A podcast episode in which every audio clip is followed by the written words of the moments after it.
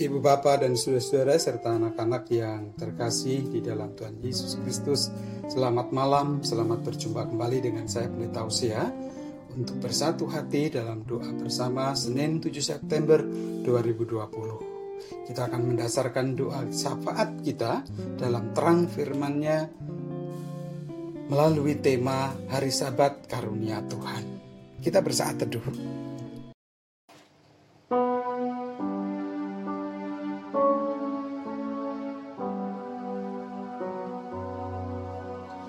Oh.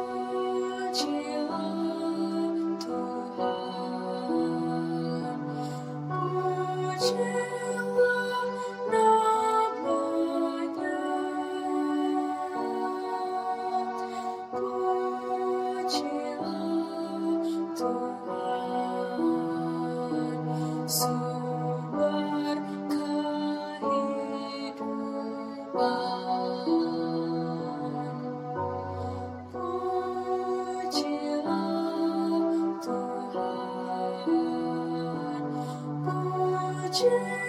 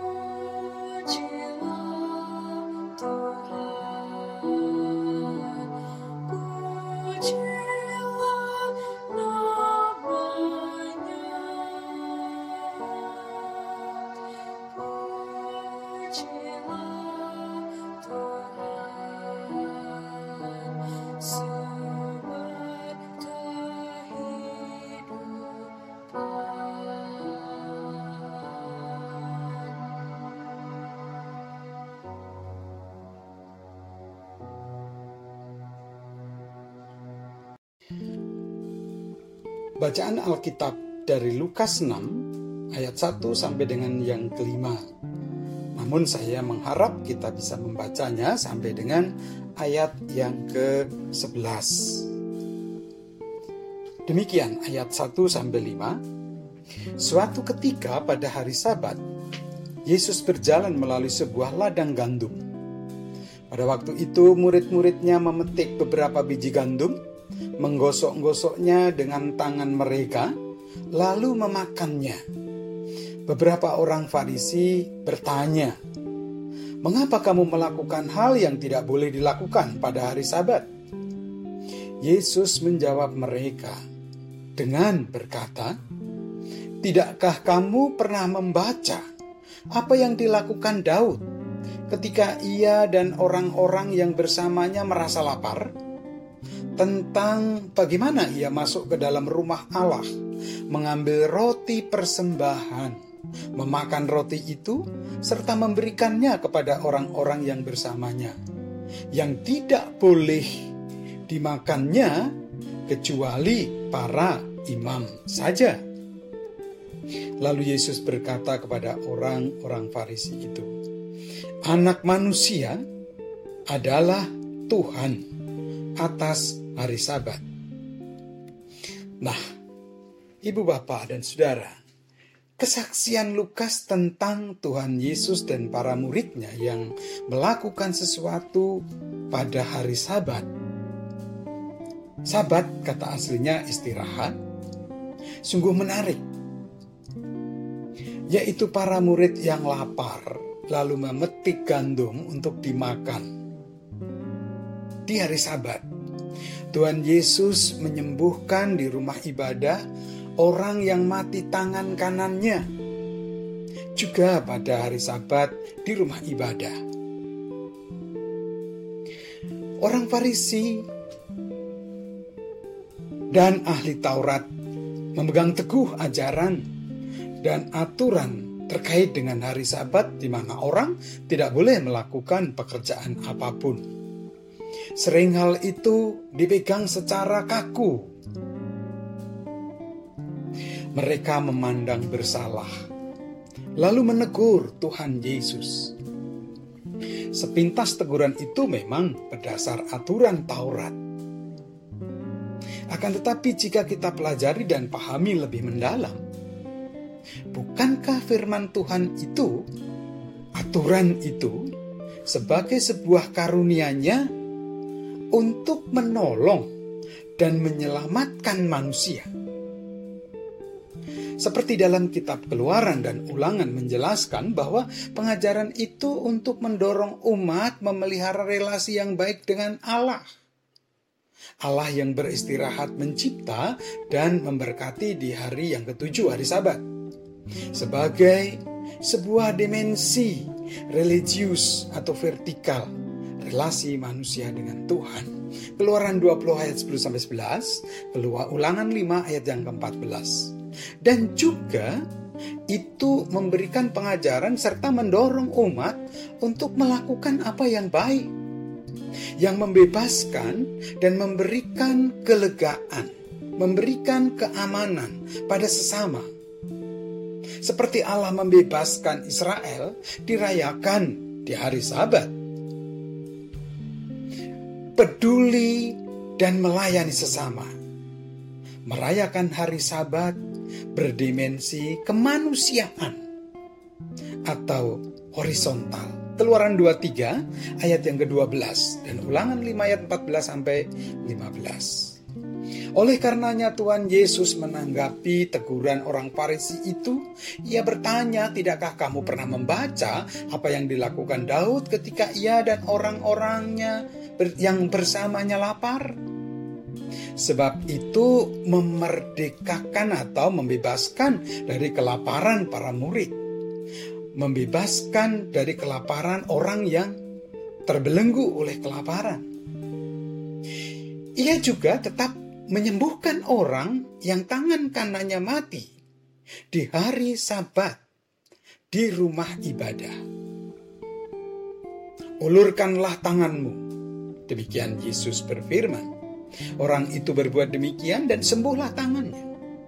Menolong, memerdekakan dari sakit, penyakit, dan penderitaan. Dalam situasi atau pada saat yang seperti itu, sakit adalah kematian yang tertunda. Maka ketika Yesus menolong, ia mengedepankan pertolongan, ia mengedepankan keselamatan, kehidupan daripada hukum atau aturan. Tuhan Yesus merdeka terhadap hukum untuk memerdekakan. Ini bukan berarti ia tidak menghormati hari Sabat, hukum atau aturan, apalagi mau meniadakannya. Bukan. Melainkan Yesus ingin mengembalikan pada makna yang sesungguhnya mengisi menjadikan hari Sabat mewujudkan ibadah sejati, bukan tidak melakukan aktivitas tertentu, tetapi berbuat baik menyelamatkan. Hari Sabat sebagai tanda kasih Allah bagi umatnya. Seharusnya menjadi hari pelayanan terhadap manusia dan sekaligus hari pengabdian manusia kepada Tuhan. Yesus datang dari Allah yang hidup. Maka apa saja yang dilakukannya, ia lakukan demi kehidupan. Inilah ibadah sejati yang aktual bagi setiap manusia. Dalam arti inilah putra manusia, Yesus melakukan dan selaku majikan dari hari Sabat memulihkan arti hari Sabat yang sebenarnya. Kiranya dengan hari-hari Sabat yang kita kelola dan kita jalani terlebih di tengah-tengah kondisi pandemi yang memprihatinkan ini, kita terus bersemangat mewujudkan ibadah yang sejati, yang semakin aktual tetap menjadikan hari-hari kita pelayanan bagi sesama dan pengabdian kepada Tuhan memuliakan Allah. Tuhan Yesus memberkati. Amin. Mari kita bersatu di dalam doa kita nyatakan sahabat kita dan mengawalinya dengan doa Bapa kami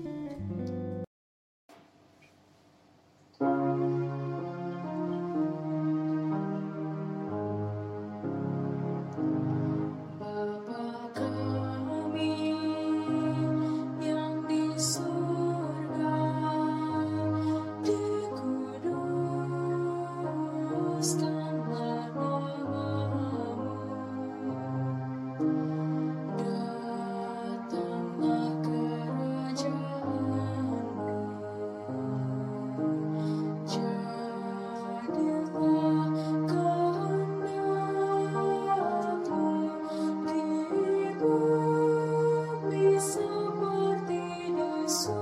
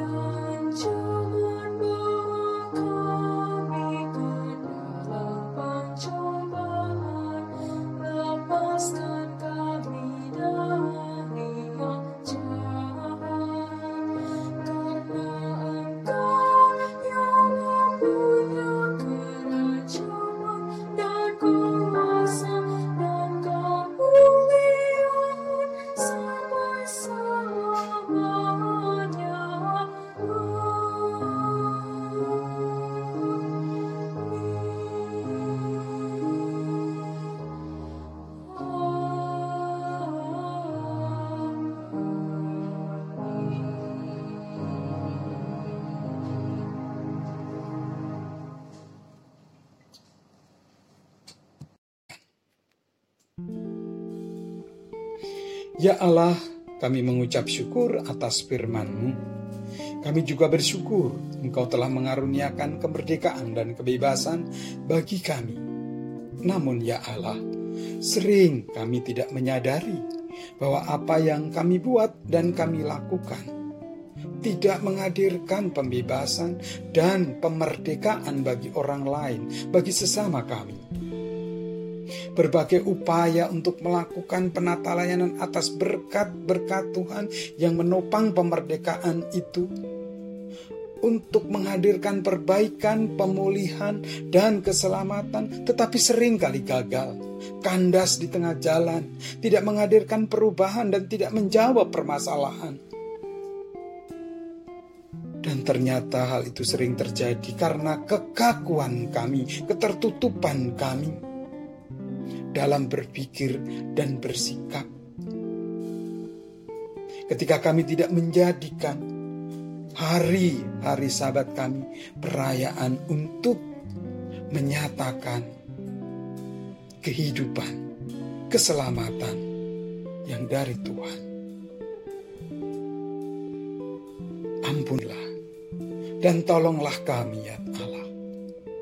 Dalam pengasihanmu kami mohon Tuhan dengarlah doa kami.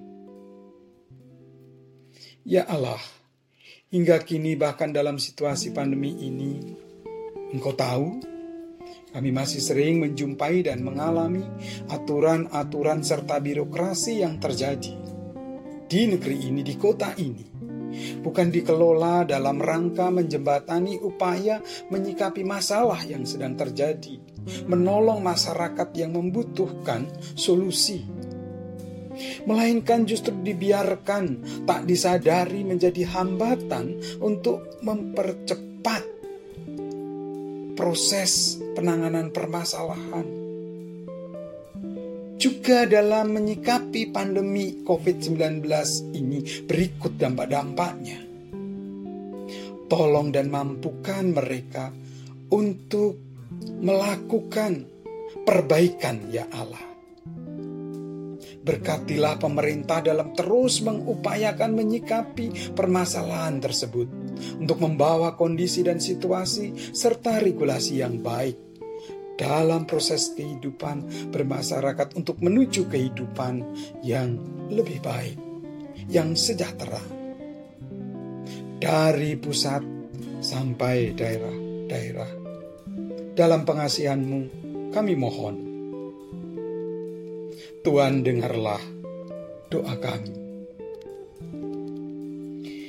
Karuniakanlah ya Tuhan pada kami, kepada mereka, para petugas medis, para ahli dan relawan kesehatan, baik yang di lembaga penelitian maupun di lapangan.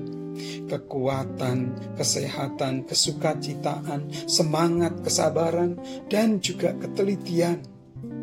Demikian juga bagi tim uji klinis vaksin yang terus dilakukan juga mereka yang mengupayakan mengembangkan terapi plasma dan upaya penemuan obat-obatan yang lain untuk proses penyembuhan mereka yang terpapar untuk segera mengatasi pandemi COVID-19 ini. Berkati juga upaya pemerintah bersama komite tim gugus tugas percepatan penanganan COVID bersama para aparat mahasiswa dan juga ilmuwan serta kerjasamanya dengan masyarakat dalam melakukan pelacakan atau tracing, penelusuran atau tracing, dan juga pengujian testing guna mencegah semakin meluasnya wabah. Berkatilah pula kerjasama antar bangsa dan negara untuk upaya membantu menyikapi pandemi ini agar segera pulih, berlalu dari muka bumi, dan damai Tuhan boleh dinyatakan. Biarlah dalam kesemuanya itu hadir pembebasan, belenggu pandemi yang sedang terjadi, yang sedang terjadi. Inilah sapaat kami ya Allah. Dalam pengasihanmu kami mohon. Tuhan, dengarlah doa kami. Amin. Demikianlah Ibu Bapak dan Saudara persekutuan doa bersama kita malam ini. Mari terus merayakan hari Sabat yang sebenarnya sebagai ibadah yang sejati yang mendatangkan kehidupan, keselamatan. Terima kasih. Selamat malam, selamat beristirahat. Tuhan menyertai.